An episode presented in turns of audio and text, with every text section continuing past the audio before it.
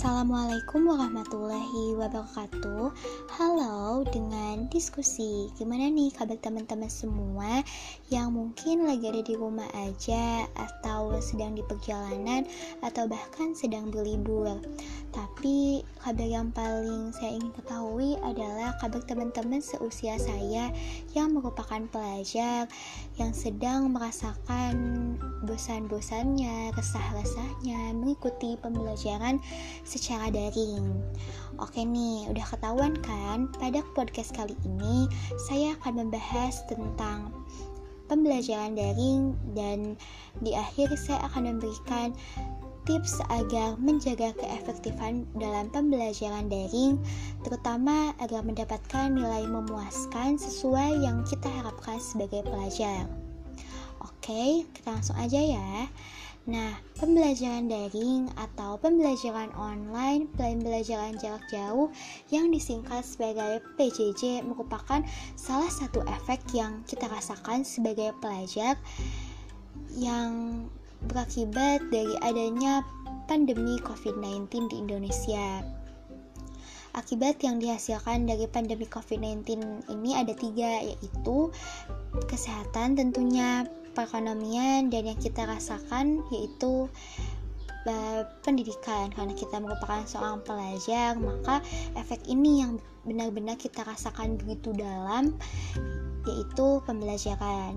Pembelajaran benar-benar telah mengalami perubahan ya guys. Dari awalnya pembelajaran secara langsung offline tatap muka menjadi pembelajaran daring online atau PJJ nah kalau saya boleh sedikit cerita bahwa ini merupakan suatu hal yang di luar ekspektasi saya.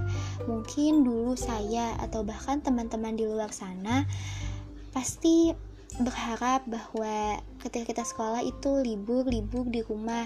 Aku ingin di rumah. Nah itu merupakan satu hal yang ya pasti yang kita harapkan. Namun setelah adanya pembelajaran di rumah ini adanya pandemi itu merupakan satu hal yang ingin kita tarik kembali gitu ya.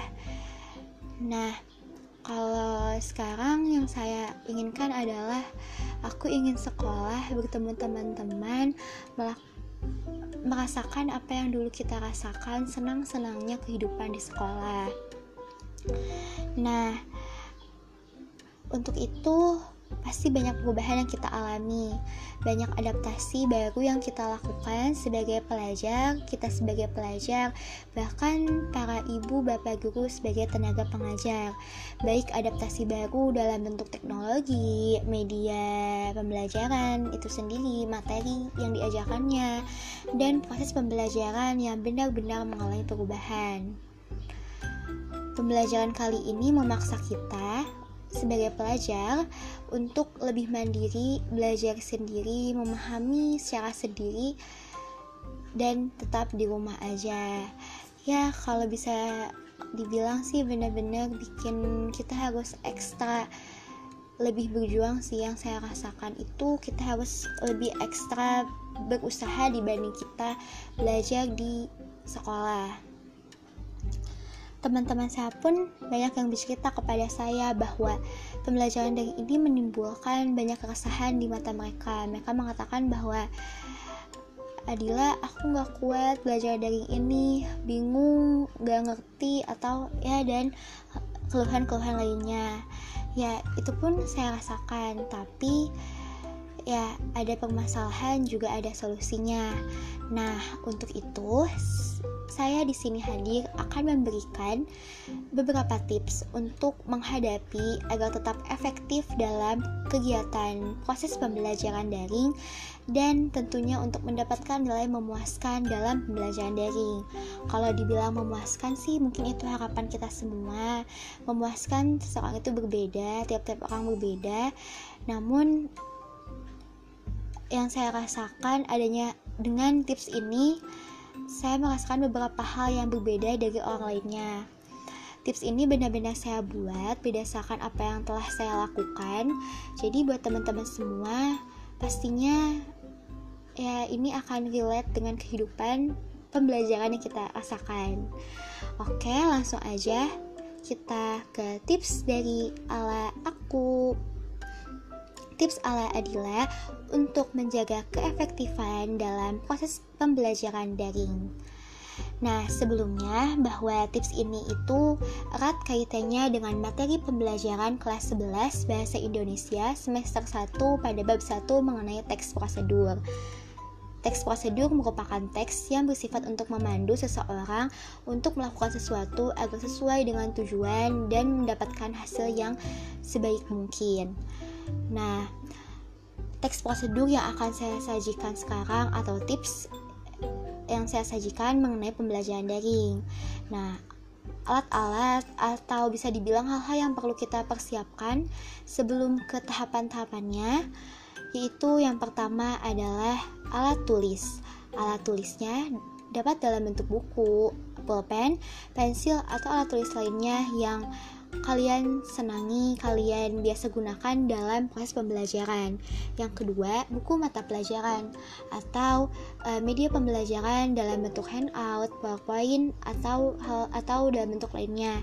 Yang ketiga, handphone atau laptop dan yang keempat adalah jaringan internet atau kuota atau bisa dalam bentuk jaringan wifi nah Oke, okay, pasti teman-teman semua udah pada penasaran kan gimana sih ala Adila melakukan proses pembelajaran dengan efektif meskipun di rumah aja karena di rumah itu pasti lebih banyak godaannya dibanding di sekolah.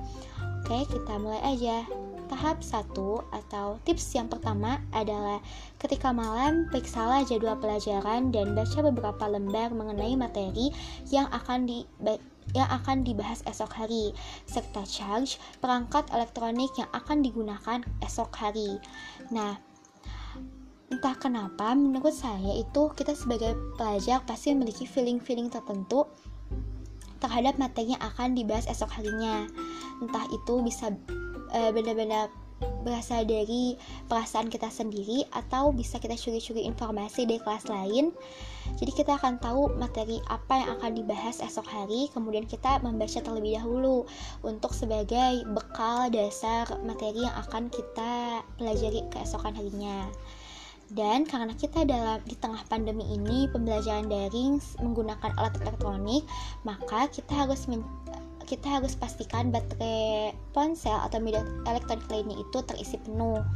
Yang kedua adalah jangan tidur terlalu malam.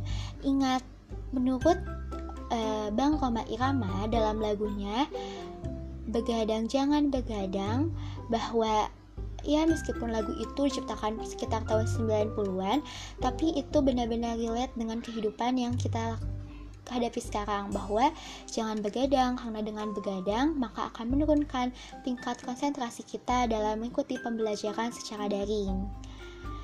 Yang ketiga, bangun pagi lalu laksanakanlah sholat dan jangan tidur lagi.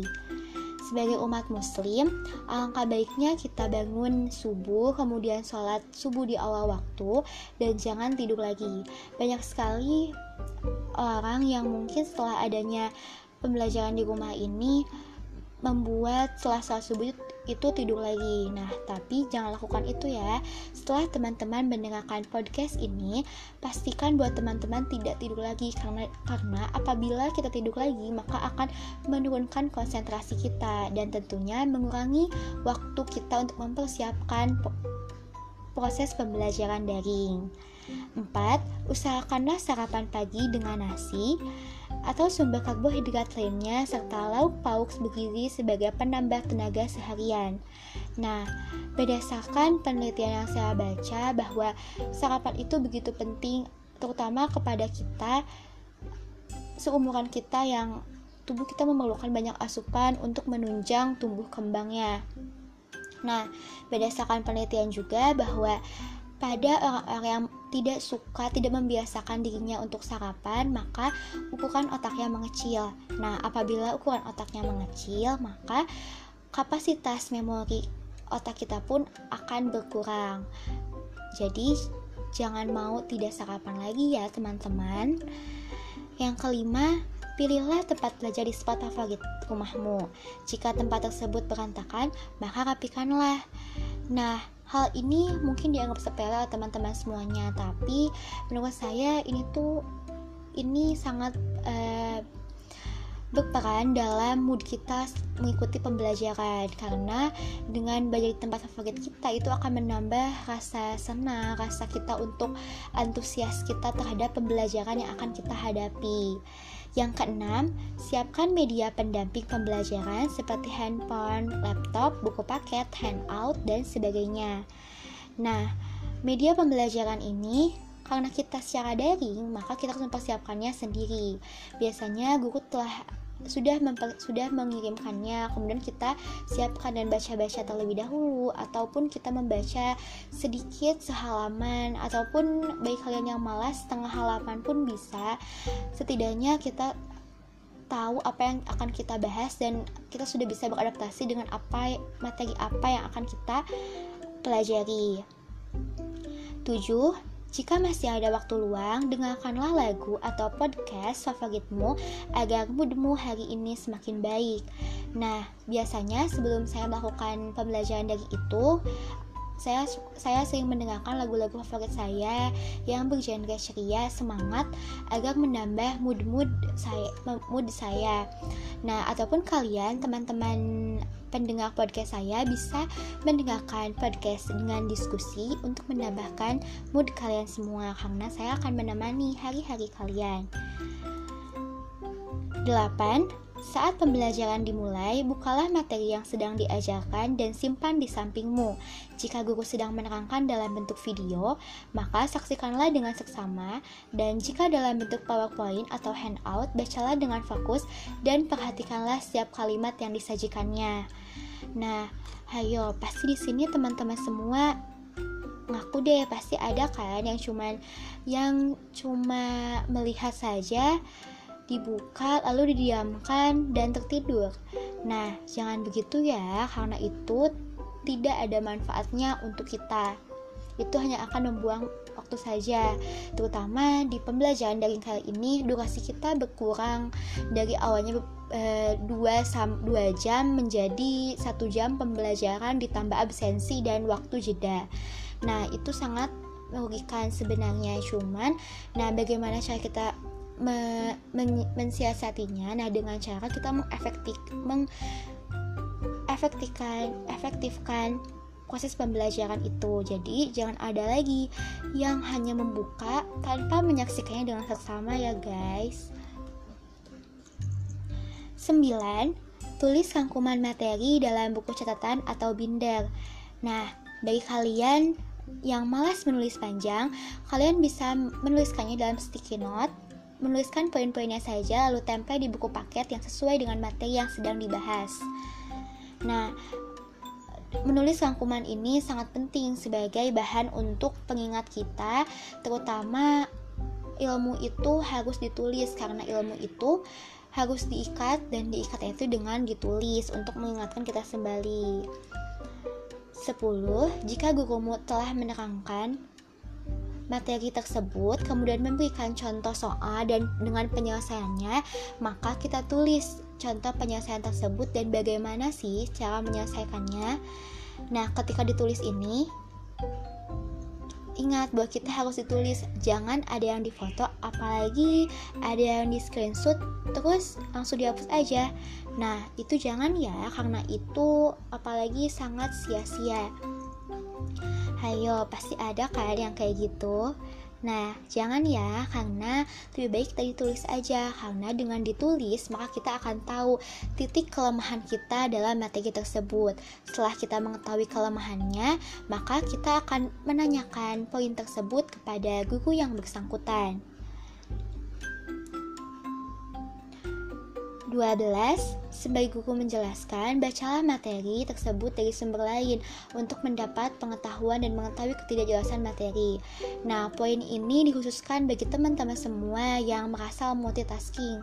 Karena sebagai kita mendengarkan materi dari guru, kita bisa sambil membuka-buka dari internet ataupun dari buku paket untuk mensinkronkan ataupun untuk menambah pengetahuan dari sumber lain. Selain menambah pengetahuan, untuk menambah pemahaman juga terhadap materi tersebut tersebut. 13. Nah, tips ini erat juga nih dengan kesehatan. 13. Minumlah segelas air putih setiap 30 menit sekali atau setidaknya setiap pergantian mata pelajaran untuk menjaga konsentrasi. Nah, menurut penelitian bahwa air putih ini pas untuk kalian menjaga konsentrasi pada dirinya masing-masing.